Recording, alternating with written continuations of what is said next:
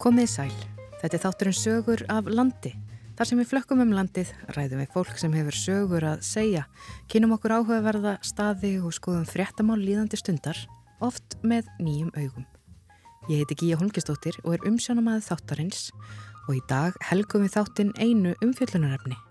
Við endur flytjum nú viðtal frá því í mæ á þessu ári þar sem rætt var við einn efnilegasta listskautara landsins Ísolt-Fönn Viljómsdóttur frá Möðrudal á fjöllum. Margra augu beindust að henni stór efnilegu Ísolt-Fönn Viljómsdóttur í stúlknaflokki.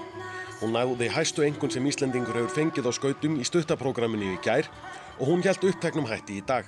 Við heyrum af skautaferli Ísoltar Fannar og bataferli hennar eftir að hafa gengist undir umfangsmikla aðgerð fyrir um einu ári.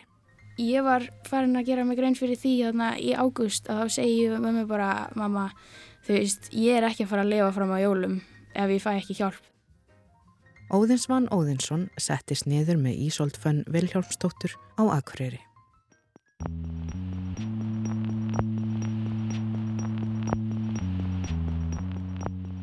Ég er Ísolt Fönn Vilhjálpsdóttir og ég er í tíunda vekk og hef búin að vera að skauta bara síðan að ég var smá krakki. Þú sagði mjög lítill krakki, hvernig byrjaði það að skauta? Ég var alltaf að skauta bara, þú veist, mamma létt við fá eitthvað að skauta þegar ég var þryggjara og ég fór bara út á tjött, þú veist, heima var í sveitinni og var að skauta. En síðan fluttu við til Akureyrar þegar mamma fór í flugskólan og þá fór ég og byrjaði í hokki og síðan skipti ég yfir í listaskauta bara þegar ég var að fara að byrja í fyrsta bekk, bara hálfu ári fyrir það. Þú ert frá Möðrudal Já. og byrjar á skautum þar. Getur það sagt mér svona hvernig lífið var þar og, og hvernig þetta stund að skauta þar? Já, sko lífið á Möðrudal fyrir lítinn krakka það bara eins og paradís á jörðu, sko. Þú veist, þú hefur allt bara sem þú vilt og bara á vetuna þá er það er náttúrulega bara svona stöðu tjarnir, eða tjarnir út um allt og það bara frostnar bara beint fyrir utan húsið þitt og þegar það eru til, bara, þegar ég sá bara að voru til skautar að það var ég bara herði ég ætla að fara út í risastörum skautum í því þrjum förum og öllusokkum og mamma bara, þú veist, hún bara náði mér aldrei inn, sko. Möðrudalar á fjöllum er á Möðrudals öræfum á Norðurlandi Istra. Áður fyrr stóð bærin við ringvegin og var tíður viðkomustadur þeirra sem ókomilli eigilstað og akurirar. Eða þar til Hárekstaðaleið var tekin í nótkunn árið 2000. Gísli Sigurgesson, frettamæður sjónvarpsins, var á ferðum Möðrudal í desember 1995 og hitti þar Vernharð Vilhjálmsson, föður afa Ísoldar Fannar. Það er erfitt að lýsa þeirri stemningu sem töfrar örafanna bjóða upp á og við sjáum hér á myndum Frithjós Helgasonar. Ég sjáum við hverjaröndinni í námaskardi sveipaða döluð Vetus Konus sem myndar hér stórkostlega symfoníu í samspili við öflin í efra og neðra. Og þegar þessir aðila leggja saman krafta sína þá verður útkoman reynd ólýsanleg þessir tónar Iljamanni í frástörkunni. Og við erum komin á fjöllin, nánar tiltekið á Efrafjall, sjáum hér heim í Möðrudal sem er hæsta byggða ból á Íslandi í 469 metra hæð. Já, við erum komin í Möðrudal en hér hefur frostið verið hvað harðast undanfarna daga. Möðrudalur er einn víðáttumesta jörn landsins og þar hefur á líkjöndu verið búskapur, allt frá því á landnáms tíð, en er gott að búa þar með söðfjö. Í kringum 1960 var þar fjórbílt og þá bygguð þar um það bil 20 manns. Nú sitja Anna Birna Snæþórsdóttir og Verðnardur Viljánsson einn á jörðinni á samt börnum sínum og hér hugar Verðnardur að frostinu. Það er 24,8. 24,8, það tekir ekki mikið við að við undanfarnar daga? Nei, það er lítið, það er að vera frostlust eftir. Hvað var það mest? 32,2. Óttast að já, þetta kuldakast geti haft afleðingar já, upp á sumarið? Já, það er vest fyrir túnin, það er frjósast rosalega niður. Eins og var hérna á árunum þá fröys, þá var alltaf frost í jörð. Svona um 8-10 þá grófum við skurði hérna og það, er, það var ekki með 50 cm á frost í ágúst, síðast í ágúst.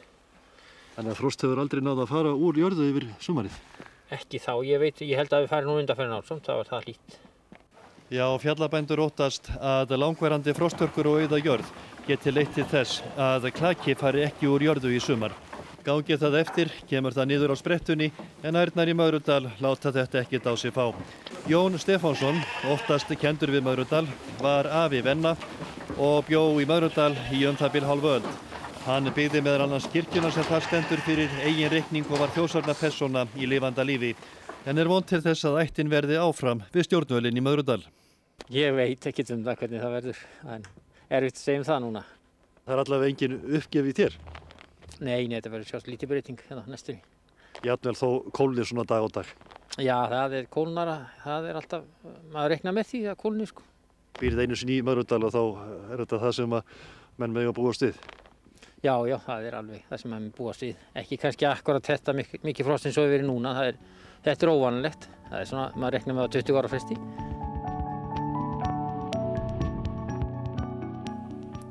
Vilhjálmur Vernhardsson, pappi Ísoldar, tók við búskapnum af pappa sínum Vernharði og frá því um aldamótin síðustu hefur fjölskyldan rekið ferðarþjónustuna fjalladýrð og fjallakaffi. Þorgunur Ottsdóttir hitti pappa og mömmu Ísoldar, Vilhjálm og Elisabetu Kristjánsdóttir ásamt Ísold í Möðrudal í november 2019. Þá var Ísold fönn 13 ára. Ég er komin hérna upp í Möðrudal á fjöllum.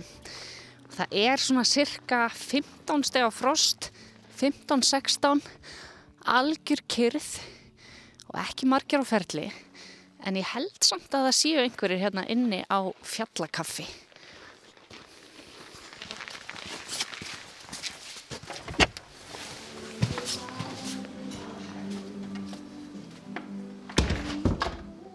Ég heiti Viljámur Vernhardsson, ferðarstu bóndi og bóndi. En hvers konar búskapur er í Möðrudal og fjöllum í dag? Er þetta fyrst og fremst ferðamanna búskapur? Aðalega ferðamanna búskapur, en við erum líka með kindur og geitur, en rauninni bara til þess að geta bóðið upp á okkar eina afurður inn á nýri fjallakafi og, og hérna, já, erum bændur til þess að geta verið lokal, en búskapurinn eru ferðamenn. Þú ert fættur hérna uppalinn, er það ekki? Jú, ég fættur uppalinn hérna. Og Möðrudalur og fjöllum hefur nú alltaf verið svona, svona viðkomu staður ferðamanna, er það ekki? Jú, jú, auðvitað áður en að veginu var breytt sérstaklega, þá var náttúrulega láð þjóðvegurinn hinn gegn og þetta var stoppistæðar og milli akkurar og eilstæða. Svo náttúrulega var þjóðveginu breytt, þjóðvegurinn líkur eitt lengur henni gegn, svo með þurfa að taka þessu krók til að koma. Mm. En núna líka eru þau ferðarmenn sem eru að koma, þeir eru, eru að koma til þess að koma. Þetta er ekki bara til að stoppa og, og pissa, þeir, þeir eru að taka þessu krók og eru að koma þess að já, þeir ætla sér að koma já. Þannig að það hefur breyst svolítið mikið bara frá, frá því þú varst krakki hérna. Já, þetta búið að breytast mikið að því að þegar ég er krakki hérna þá er náttúrulega sára lítil umferð mm. og umferðin var bara yfir blá sumarið og heiðarna voru hérna í kring voru ekki svona opnar og vetnar og vetnar sáum ekki, það var engin umferð. Mm. En núna er þetta orðið allt öðris að því að sumartrafíkinn orðið náttúrulega þó einhver mikil. Og það er, já það er ferðamæðar allt árið, það er ferðamæðar já, alla dag ársins. Og þetta er mikil breyting. Hvernig var það allast upp hérna? Mér finnst það gott. Um, og jújú, jú, þetta yfir þetta tímana, þetta var náttúrulega maður fór í skólan og var í skólanum og kom svo heim um helgar og, og hérna, en jájá, já, þetta var ekkit mér fannst þetta bara dásanlegt og, og hérna og mann fann aldrei fyrir því að við værim eitthvað einangur eða svolítið, aldrei Ég ætla að rölda eins inn í eldhús. Kemur svo opbúslega góður ilmuða. Ég heiti Elisabeth Kristjánsdóttir og er búsett hérna í Möðrudal á samt Vilhjálmi manni mínum og, og tveimu börnum okkar. En sko Vilhjálmur maðurinn, hann er fættur alin upp hérna. Hvaðan kemur þú? Herði, ég er frá Grundafyrði, Snæfellsnesinu og ég er alin upp þar og bjóð þar alveg þannig til ég var 17 ára og hérna komin af sjóarafólki þar. Já, það er ansið langt til, til sjáar hefur. Já, ég hef alltaf verið mjög hrifin að hálendinu þó svo að hérna, ég hef allist upp við sjóin og auðvitað tókar alltaf í að fara og það er nú ekki langt fyrir mig að fara nýra á Vopnafjörð sko, við rúndum oft fangand ef maður, ef maður saknar hérna. Já, saknar þess að sjá sjóin. Já. Já. Já. En, en hvernig kanntu við þið hérna upp á, upp á fjöllum? Bara rosalega vel. Já, það er bara, það er hérna þessi víðátta sem er hérna og maður sér svo vítt og er með hérna náttúrulega herðu breið alltaf bara fyrir augunum þegar það viðrar. Og við sjáum hérna upp í Kverkfjöll. Og það er ekki mikið um nágranna erjur nágrannarnir já, hérna, þeir eru 35 km frá okkur hérna og, og svo 45 km í, til austurs. Já, já, það er hansi langt í næstu, næstu bæi. Já, já, það má segja það. En hvernig er að ala upp börn hérna? Herðu, það er bara rosa gott sko, þetta er að spyrja þau bara hvernig það er að vera hérna. en, já, fyrir nú kemur hún hérna þessi einsás. Já. Er þetta ámælisbarnið? Já, hún kemur hérna skrýðandi inn í eldhúsi. Hérna, Hvað heitir þessi? Hún heitir Vordís Antonija, Vilkjálmsdóttir. Það er spjalla. Nú að hún að reyna að naga hérna mikrofónin, hann er svo spennandi. En uh, hún er náttúrulega þá ekki, ekki, ekki, ekki á leikskóla hérna eða eitthvað svo leiðis? Nei. Uh. Við hefum hérna um, haft þau heima svona til að byrja með já. og síðan kannski svona um tveggjára kannski fara á leikskóla og þá hefur við verið að sækja, við, hérna eldri stelpan, hún var á leikskóla á Seyðisfyrði en þá var pappinar að vinna þar mm -hmm. og oppa sí og hérna og svo var hann á Eirstuðum á leikskóla og svo líka á Akureyri Já. þannig að við flækjumst við það svona eftir hvað verkefni er ég var nefnilega líka hérna, þjálfa skýði þarna í, í Státtal Já. og þá hendaði vel að hafa hann á leikskóla þar fyrir austan Já. og svo fór ég að læra að fljúa á Akureyri og þá hendaði vel að hann væri leikskóla þar Þannig að þetta, þannig að Möðrudalur er svona ykkar fasta heimahöfn en þeir svona farið við það. Já, akkurat. Og svo byrjaði náttúrulega eldri stelpan okkar að skauta í skautahöllinni þarna á sama tíma og ég er að læra að fljúa og þá var eiginlega svona ekkit aftur snúið. Þú veist að skautahöllin er náttúrulega þar Já. og þá vildi hún halda áfram í því og þá ákvaði hennu bara svona að, að hérna, hún fær í skóla þar líka. Já. Við förum á hérna, mándagsmótnum, leggjum að stað bara klukkan 6 og svo hérna erum komin þá þangað klukkan 8 og hún fyrir skólan og, og þá erum við með svona eila aðra búsitu þar yfir vikudagana Já. og komum svo hingað. Já. Já. Ég heiti Ísolt Venn Viljámsdóttir og ég er 13 ára gömul. Og þú ert að hjálpa til hérna í eldhúsinu? Já, ég er að því stundum. Erstu dögulega að hjálpa fórildröðunum? Já, ég veit það ekki sko, mér er mjög gaman að hjálpa þeim. Já. Og hvað er það þá svona helst sem að, sem að þú getur hjálpa til við? Sko, ég er mest að hjálpa til að vera á kassanum og hérna þjóna. Mér er skemmtilegast að þjóna á kvöldin. En hvernig er að vera 13 ára og eiga heima á Möðrudal fjöllum? Það er bara mjög gaman. En það lítur að vera svolítið langt bara í leikfélaga og svo leiðist þú varst yngri. Já, samt ekki sko. Þegar á sumrinn þegar það var fólk að koma á tjálstæði með krakka þá stökkjum við til tjálstæði og egnaðist fullt af vinnum sko. En erst þú mikil sveitastelpa? Finnst þér gott að vera hérna? Já, mér, ég bara elska að vera hérna og mjög, mjög mikið fyrir dýrin og minnst refinir langskemtilegastir og geiturnar líka. Já, það eru náttúrulega refir hérna, bara viltir eða? Já, eða refa yrlingar á sumrinn. Síðan fara þeir vanalega á haustin. Þarna heyrðum við í 13 ára Ísolt Fönn Viljámsdóttur í november 2019 í Möðrudal. Þá heyrðum við í mömmu hennar Elisabetu Kristjánsdóttur, sýstur hennar Vordísi Antoníu sem var þó aðeins einsás og pappa Ísoldar Viljálmi Vernharðsinni. Þorgunur Ottsdóttir rætti við þau. En aftur í hljóðstofun á Akureyri þar sem 15 ára Ísolt Fönn settist niður með óðunisvan óðinsinni á dögunum og rifjaðu upp fyrstu skautarinslu sína á ísilögðum tjörnum í Möðrudal á fjöllum. Ég náttúrulega æfði ekkert á tjörnunum en ég byrjaði á tjörnunum að skauta og bara fann hvernig bara þetta var bara það sem að gerði mér bara gladast að bara, ég var bara úti allan daginn bara að snúa mér í kringum eitthvað girðingastur. Þú fannstu það strax bara þegar ekki að fjara ára að þetta væri bara þín ástriða?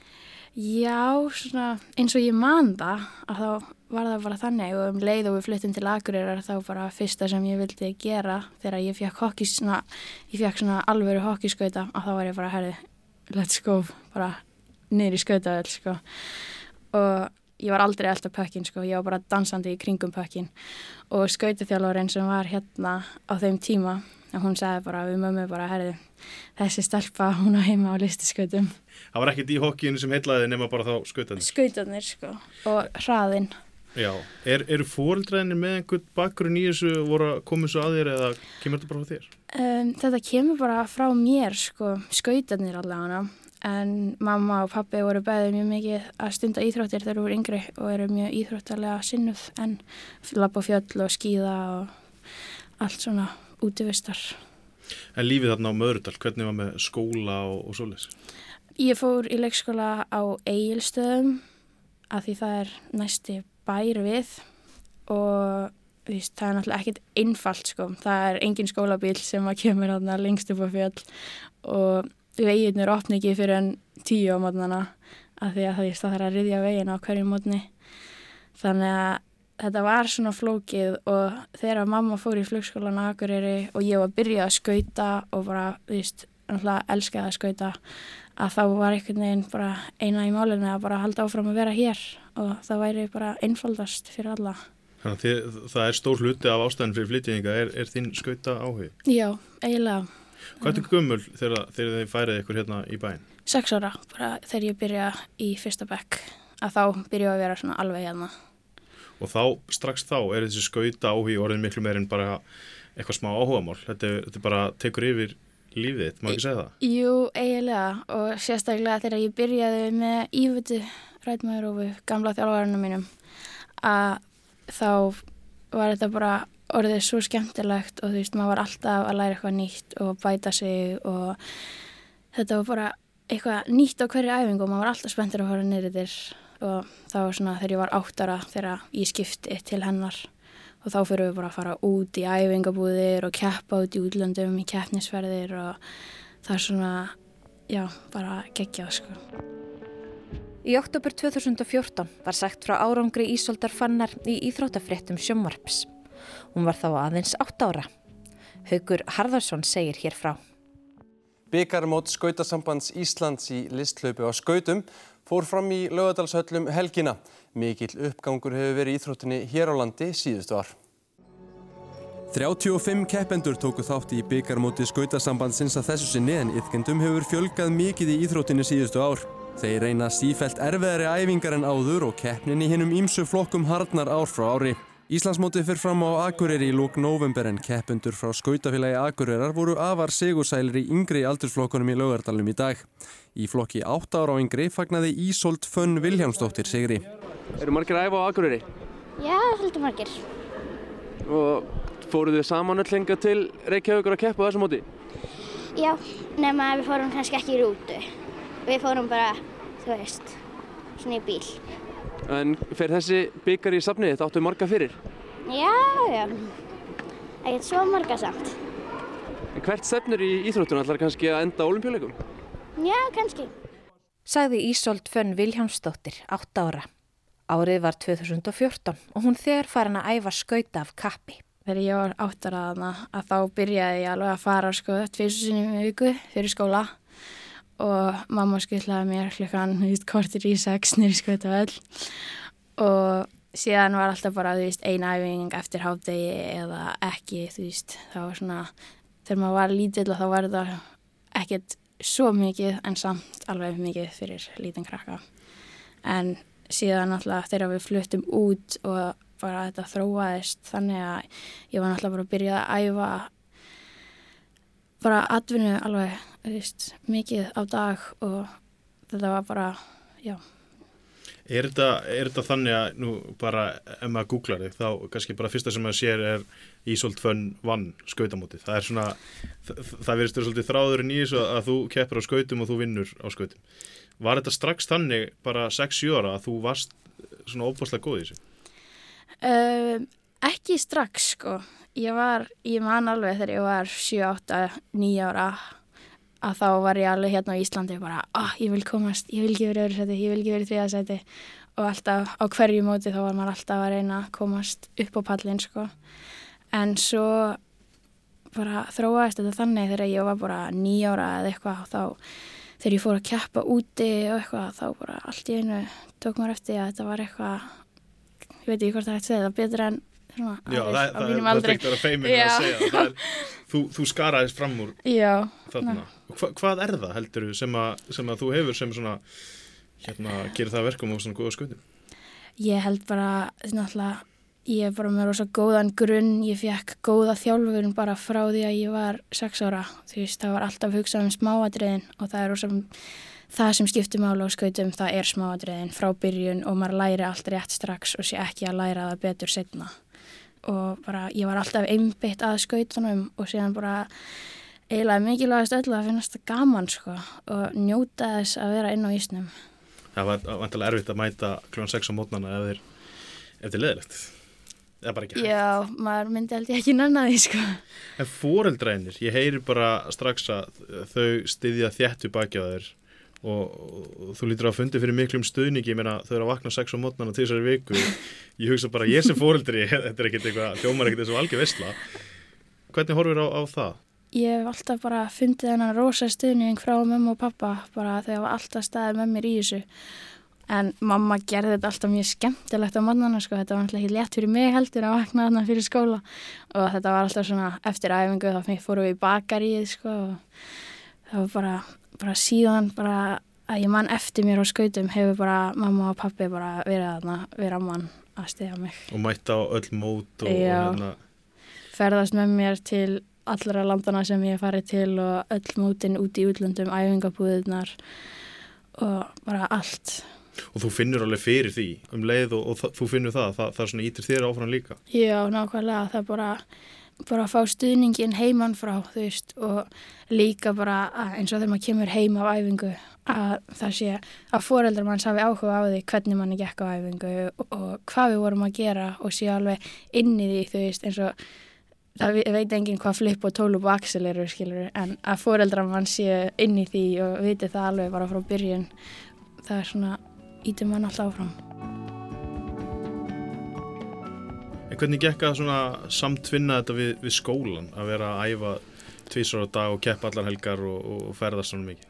Það gekk bara mjög vel sko. Þetta var bara, náttúrulega þegar maður er 6, 7, 8, 9 ára þá er skólinn ekki alveg svona serious eins og hann er núna.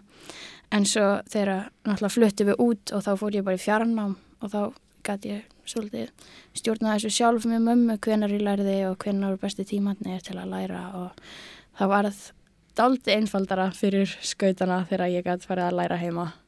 En það er auðvitað ekki tægt að setja allt í, í fyrsta seti, ég meina skautarnir voru nummer eitt hjá þér og, en þú er alltaf náða einhvern megin að, að svona kasta þessu á milli þannig að þetta gangi allt saman upp. Já, það hefur bara, og gengið mjög vel og, og það er líka, ég hef líka mjög þakklátt skólanum sko bara fyrir að leiði þetta fjarnám og kennararnir að fara, þú veist, í gegnum það að vera alltaf í tölvunni við einhvern einn krakka úti í Slovakíu eða Sviss. Það maður finnur líka, veist, stuðning þar, þú veist, að þetta er ekki bara mamma og pappi sem er stiða mann, heldur líka bara allir í kringum mann. Hvar varst í skóla hérna? Brekkurskóla, Og ert enn, er það Já. ekki? klára tíundabekk. Þú talar um þegar flutt til útlanda á Sviss og Slovakíu, í, í hvaða röð er þetta og hvenar, hvenar gerist þetta? Þjálfari minn flutti, eða þjálfarin sem var hér uh, með félagið, var búin að vera í sjö ár, flutti aftur út og ég bara fann tengingu við hana. Hún var bara partur af skautunum fyrir mig og við unnum svo vel inn á ís þannig að ég bara fórum að fara og eftir henni byrjuðum að ég fara fyrir æfingabúðir og svo einhvern veginn var það bara þannig að allt í hennu vorum við fluttað til Slovaki. Við vorum bara búin að vera svo mikið þar. Er hún það? Já. Hvernig var það? Hvað ertu gömul þegar þú færð þannig? Ég er tíu og hálsars að verða 11 ára þegar við erum svona eiginlega alveg fluttar. Í november 2017 saði Kristjana Arnarsdóttir íþróttafréttakona frá Íslandsmeistaramóti í Lisskautum í íþróttafréttum sjónvarps. Það var mikið um dyrðir í skautahöllin og akkurir um helgina en samhliða Íslandsmeistaramóti ISS fór fram Íslandsmót barna og úlinga.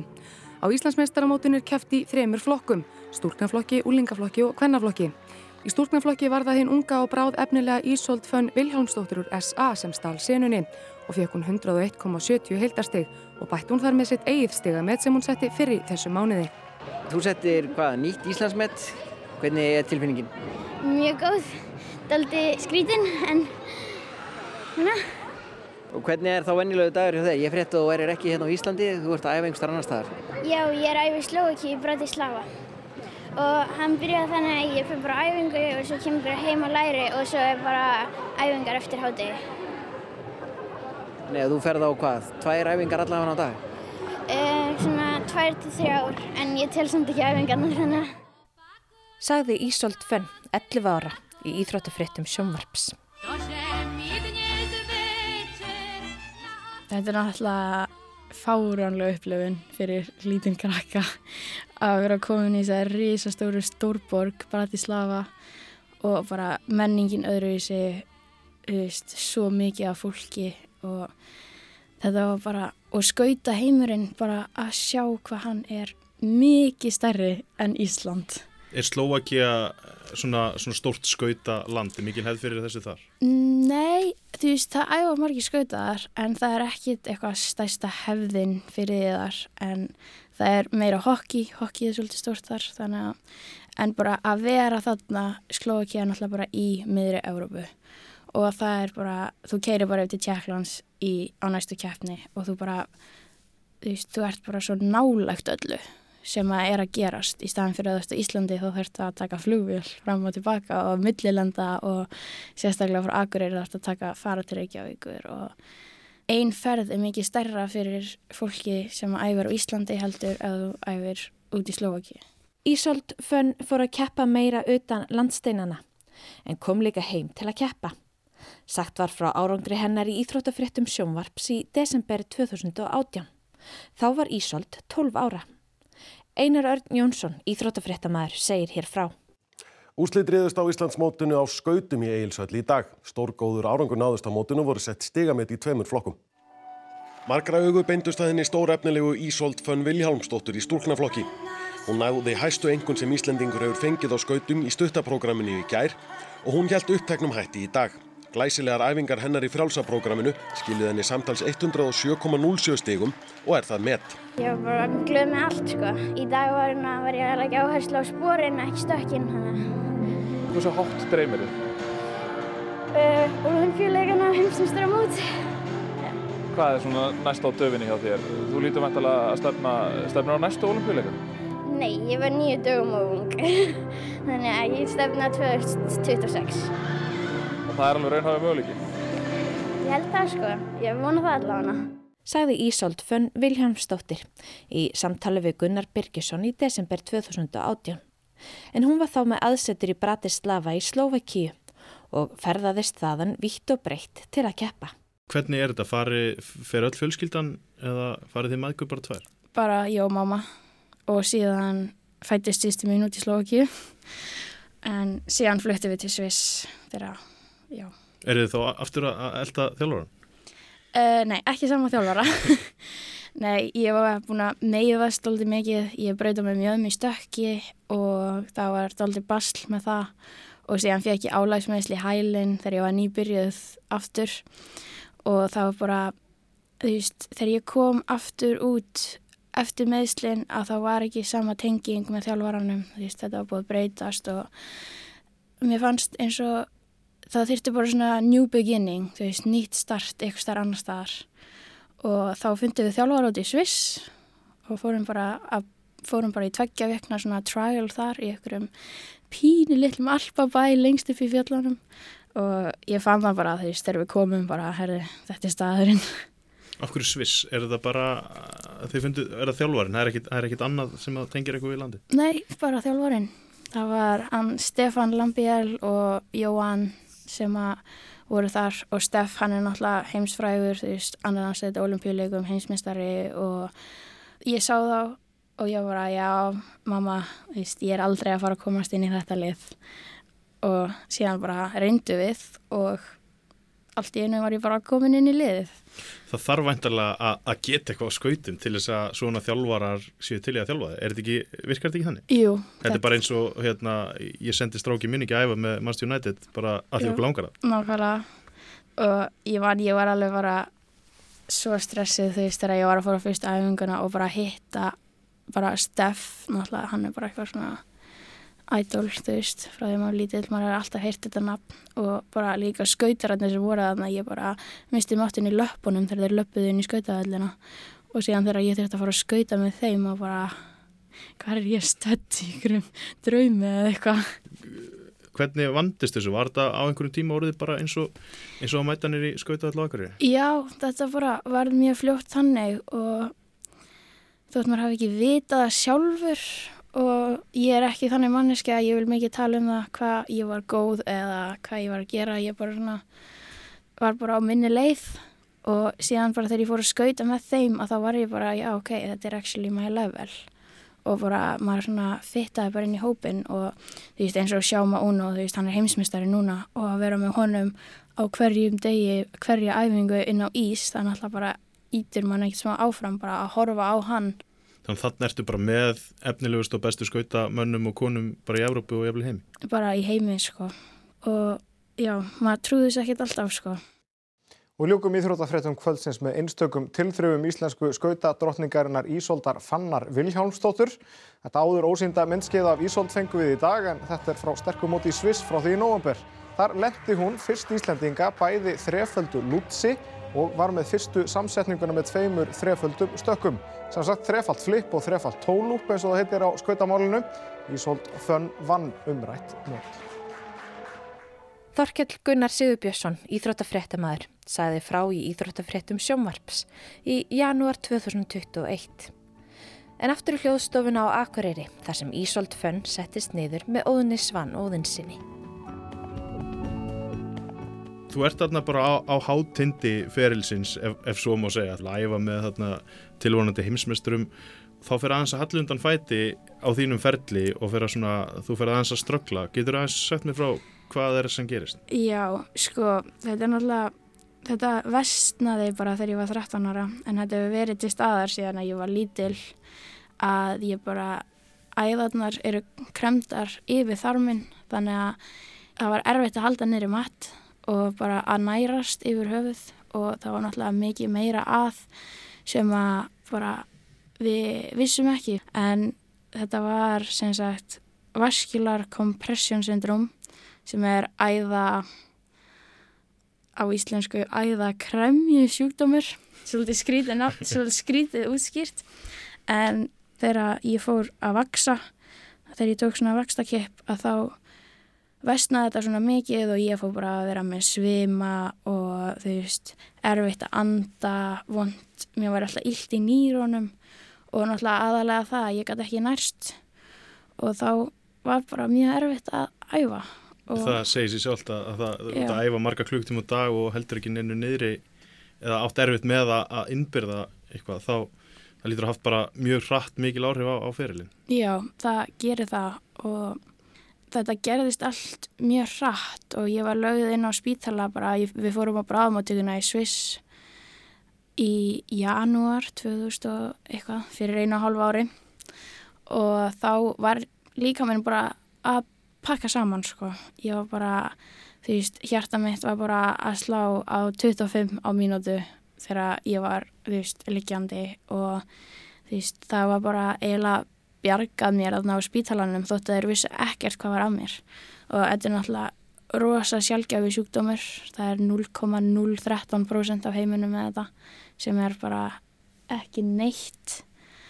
Og ég var bara löðaninn á spítala í Sviss og eftir það að þá kom ég bara heim og var bara að slaka á og við ætlum náttúrulega bara, þeir greindum ekki mennitt í Sviss þannig að við ætlum bara að koma heim og láta læknan á Íslandi komast að komast að því hvað væri að en það var ekki alveg þannig.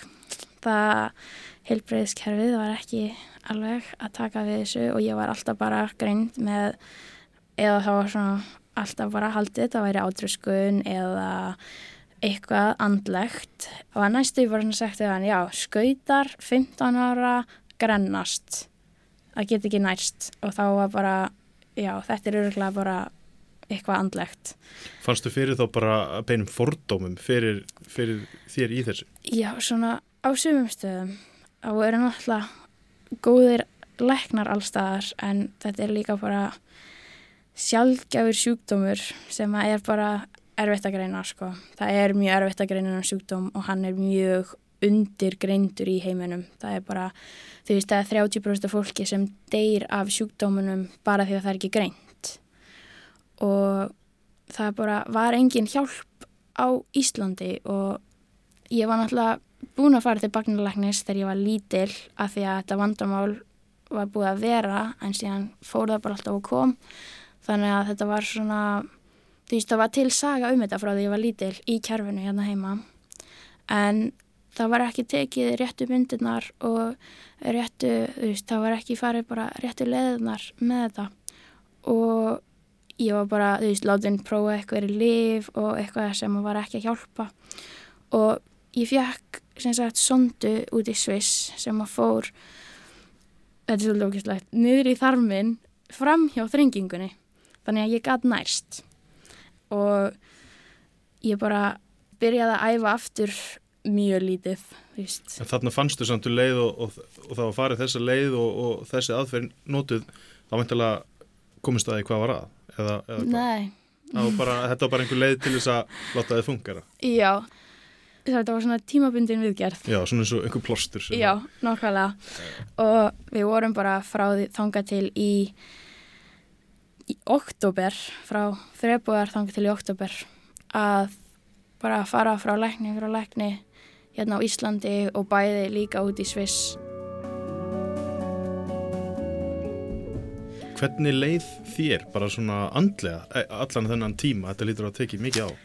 Já, þetta tók alveg á og ég var, ég var farin að gera mig grein fyrir því þarna í águst að þá segi ég með mig bara, mamma, þú veist, ég er ekki að fara að lifa fram á jólum ef ég fæ ekki hjálp, þú veist, það er engin hjálp það er engin að fatta hvað þetta er en ég bara veit að þetta er ekki að fara ég get ekki að lifa svona og það var held ég svona já, þetta er bara tók mjög mikið á öllu en og líka bara, þú veist, náttúrulega fóreldra mín er ekkert smá bara hrættir um badni sitt og bara allar áhugirnar og allt. Fannstu þá bara að það, það, þú væri bara að gefast upp? Það er líka minn Já, bara líka vinn bara að gefast upp sko. Og það er úrlega erfitt fyrir alla einmynda sér það en þegar þú getur ekki borðað eða, eða drukkið vatn og getur ekki staðið upp án þess að það sé að fara að líða yfir þig að þá er lífið stálta erfitt. Hvernig lísti þetta sér eins og segir? Þú getur ekki borðað og drukkið hvað, hvað er það sem kom í vekk fyrir það svona Já, beint? Já, sko, þetta er kallað SMA syndróm sem er Superior Mesenteric Artery syndróm og það er þar sem að slagaðarnar er að skipta sér til að fara bara, í síkvæð hlutana líkamannum og, og þarmurinn þar á milli er kramin þannig að þeirra bara vögvi bara hvað sem að þú myndir láta onni þig fer á þann stað í þarmannum að þá kemst það ekki þar í gegn þannig að það fer hinn að leðina út Akkurát. Og þetta er bara, og þá er náttúrulega margt meira að, þú veist, sem að ég var náttúrulega greint með þarna fjórar æðakremjur sem að útskýrði bara allt fyrir mér, bara svona lífið frá því að ég var bara krakki, bara maður bara, já, ok, á þetta ekki að vera svona? Og áður en að ég var greint með þetta að þá viss ég eiginlega hvað þetta var. Bara á því bara að searcha á síðum og mamma og pappi þau voru bæðið búin að segja við mig heldur þetta gæti nokkuð verið þetta eitthvað, og maður var alltaf bara nei 0,013% Kemur ekki verið mig. Já, en maður veit aldrei. Og maður alltaf mætir til lækna og segir eitthvað já gæti þetta verið þetta? Og þau bara að googla? Upplifir þú smá svona, ég veit ekki hvort ég kalla róka frá læknum einhverjum þegar, þegar þú komst með einhverjum tilgáttur sjálf? Já, svona, það er hægt að segja það. Og... En þannig ágúst, þegar þú segir við mömmuðina bara, ég, ég held ég lifi ekki fram á jólum, mm. þá farið til Þýskalands, er það tímaleinan rétt? Þá, þá fyrir við, þá fyrir mamma bara að leita hjálp allstaðar og finnur þennan stað í Þýskalandi og síðan bara í oktober vestna ég svona rosalega hratt og ég bara fann það að þetta var að koma á sama stað aftur og þegar ég fór á spítalan í Sviss og þá segir mamma bara já ef þú finnur það að þá förum við strax þangað og það var bara sendt mail og á læknin þar og síðan 27. oktober fer ég í skoðunina og hann náttúrulega sér allar þrengingarnar, er sérfræðingur í þessu að greina þetta og maður bara svona manni leiði svolítið svona eins og manni hefði bara verið bjargað og, Bara um leiðu ert komin, þá fi- Já. finnur þú að þú ert bara hólpin einhvern veginn, komin í réttar hendur. Já, og ég bara þegar hann segir bara að hann sjáu hvað er að mér og hann sjáu þetta á mynd. Og maður bara svona ég misti mig bara í tárum sko og gleði og ég vissi ekki hvernig ég átti að vera sko. Og síðan segir hann bara já, þetta er náttúrulega bara komið samt mjög langt á veg og hann ringdi bara í vinn sinn eða lækna Kollega kollega, já, og sem er skurlæknirinn sem ég fer til og hann segir bara, herðu, þið fáið tíma hjá honum á morgun, er þið ekki bara góð að keira í gegnum Þýskalands til hans ég bara, jú, allt í góð og þá fyrir við bara þangað og í aðgerðina Þannig að þetta, hann segir að þetta komið mjög langt, þetta var bara að þú varst virkilega hætt komin. Það var Já. ekki bara eitthvað tilfinning í þér. Nei, þetta var ekki neitt, þú veist, þú veist eins og skurlæknirinn sagði bara við mig, já, hefur verið komið tveim, þrejum vikum setna að þá hefði ég bara ekki mátt skerað upp. Þú veist, þú hefði bara verið komið það langt að það hefði bara verið bara mjög erfitt að lækna þetta og sennilega ekki hægt. Hvernig leiðir að heyra það? Maður bara svona, vá, bara hversu heppin maður er að hafa actually farið strax í staðin fyrir að býða eitthvað eða sjá, já, þetta hlýtur að verða betra eða eitthvað. Og þá kemur aftur að því að þú átt góða fóreldra. Já, nákvæmlega og bara að þau hafi alltaf hlustað á mig í gegnum allt já, standið við hlið mér, þú veist, ég hefði aldrei getað þetta án þeirra þetta bara og ég hefði heldur aldrei getað þetta án skautana þótt að ég hafi ekki skautað neitt í gegnum þetta Já, þannig er náttúrulega skautandi bara alveg á, komnir á hilluna. Helstu þú að vera hætt á skautum bara alveg?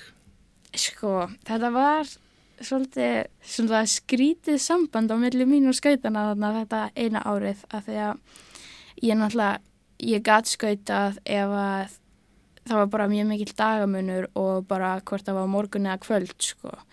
Og stundum hefði ég bara getað tekið heilaæfingu og stundum fór ég inn á og var bara ringluð og gæti ekkert gert. Þannig að ég var byrjuð að æfa bara kannski einu sinni frá einu sinni á dag alveg niður í bara tvísar í viku sko.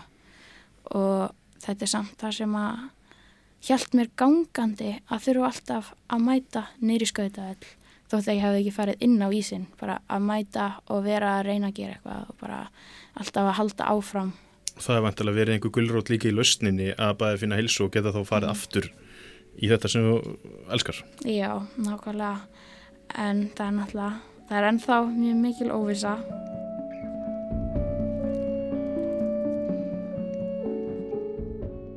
Já, þú ferð í þessa aðgerð, þannig að þú keirir þvert yfir Þýskaland daginn eftir, ertu skorinu upp. Já. Þetta er engin smá aðgerð. Ég veit Já. að þú varst ekki að nema bara svohandi. En þú getur kannski, eh, þú veit alveg heyrt eitthvað, hvað, hvað var verið að krukki þér? Sko, þetta var náttúrulega á fjórum stöðum þrengingarnar sem maður þurfti að laga og ég fekk auka hlut inni í kringum æðarnar og svo bara þegar ég er í aðgerðinni kemur í ljós að nýra mitt er niður í mjöðum bara. Það þurfti að færa það upp og þannig að þetta var 6,5 tími Það sem þú ert í aðgerð. þar sem ég er í aðgerðinni alveg opinn og þetta er náttúrulega eitthvað sem að mann finnst ótrúlegt að hafa upplifað bara spítala dvölein og allt að geta vera alveg gjörsamlega ósjálfverka Þegar þú vaknar upp eftir aðgerðina, finnur þú þá, veintalega alveg hérna búið að deyfa allt og, en finnur þú þá að uh, þú ert betri? náttúrulega ég var með alls konar rör út úr mér á fjórum stöðum. Þannig að maður var svolítið svona dauður næstu þrjá daga. Eðlilega, eftir Maður sex bara- tíma aðgerð. og ég var á sko mænuróta deyfingu í tíu daga eftir. Þannig að alla þá daga er maður svolítið svona utan með sig. Allur svona svolítið dofin en ég man samt að þeirra bara daginn eftir aðgerðina þegar ég mátti fá mér að drekka þá var ég bara terrified ég bara hvað ef að ég farið alla þessa aðgerð og ég er ennþá, ég get ekki látið neitt onni mig. Síðan bara þeirra vatnið og ég bara, það var allt venjulegt og þá var ég bara, oh my god, þetta virkaði actually og Þú fannst það bara, ég fann það bara, bara þegar ég drakk vatnið. það lítur að vera góð tilfinning. Já, ég var bara, ég hefði öskrað hefði ég getað það, sko.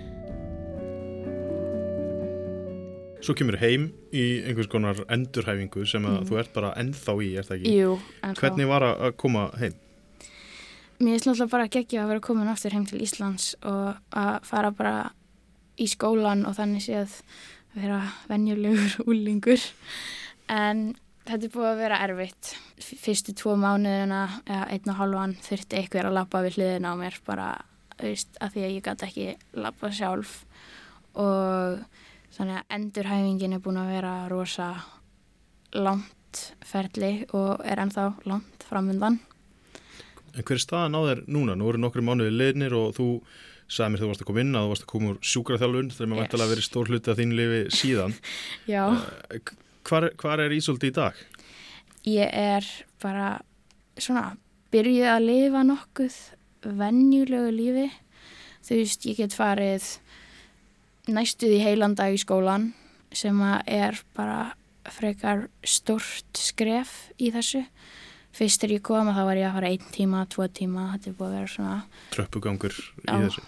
nákvæmlega bara og ég er svona já, byrjaði að geta bara gert meira í sjúkraþjálfun og finn að ég er að fá svona kraftana í líkamannum aftur en á sama tíma finn ég alveg fyrir aðgerðinni og ég finn ennþá alveg að það er alveg langt bataferðli framundan en þá þetta er svolítið bara, þetta er svo einstaklingsbundið sko og þeir sögðu það náttúrulega bara við mig en þeir sögðu bara að þetta er svona þrý, eftir þrjá mánuði að þá getur við farið vera svona nokkuð bara verkja laus og átt að þurfa ekki að taka neinn lif lengur.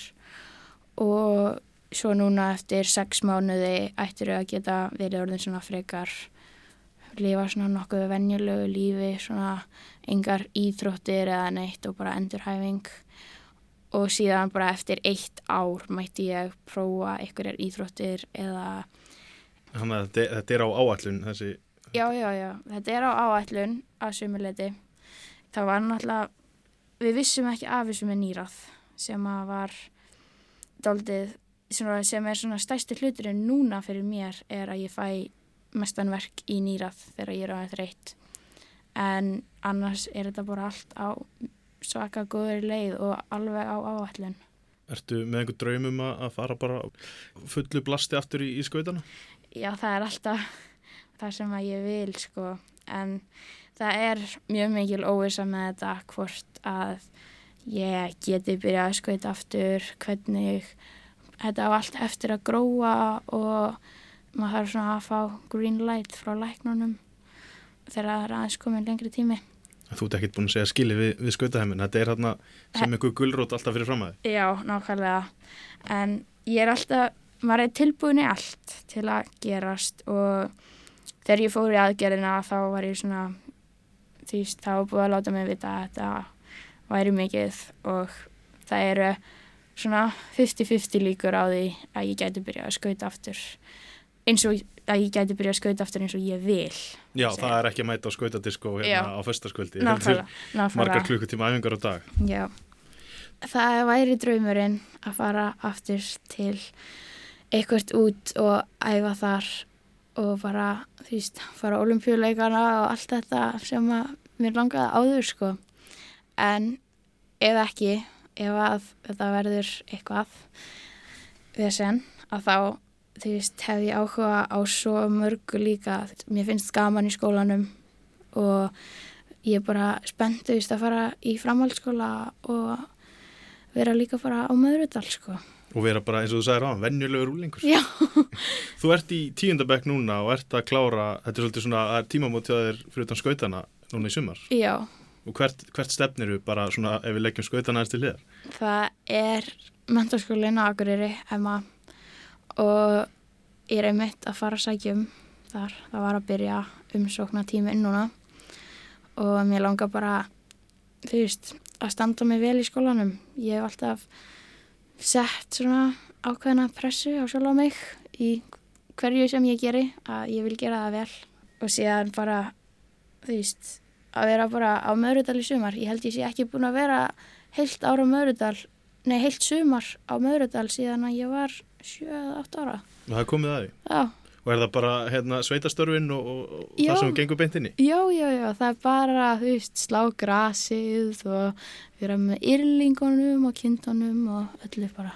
Það er hljómar sem bara svona ágæti staður til að ná fullum bata. Já, ég held það og ég held að það muni líka bara vera mjög mikilvægt fyrir mig og fyrir batan að aðeins fá svona að svona tengjast jörðinni þar. Tengjast jörðinni, ég held sé ágætis loka orð ég þakka að kella fyrir komuna og bara gangið þér vel. Takk fyrir.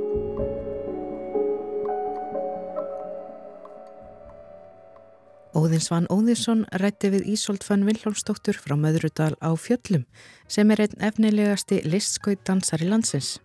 Hún sagði okkur frá lífi sínu, allt frá Möðrudal til Sviss og bataferli sínu eftir umfangsmikla aðkerð sem hún þurfti að gangast undir fyrir um einu ári síðan. Viðtalið var fyrst flutt í mæ á þessu ári.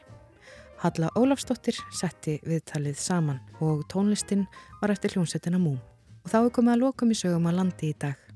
Ef þið hafið ábendingar um efni megið þið gjarnan senda okkur línu á netfangi sögur af landi at rúf.is og við minnum á að þennan þátt og eldri sögur af landi má finna í spilara, rúf og öðrum hlaðvarpsveitum. Við þökkum þeim sem hlýtu, lifið heil.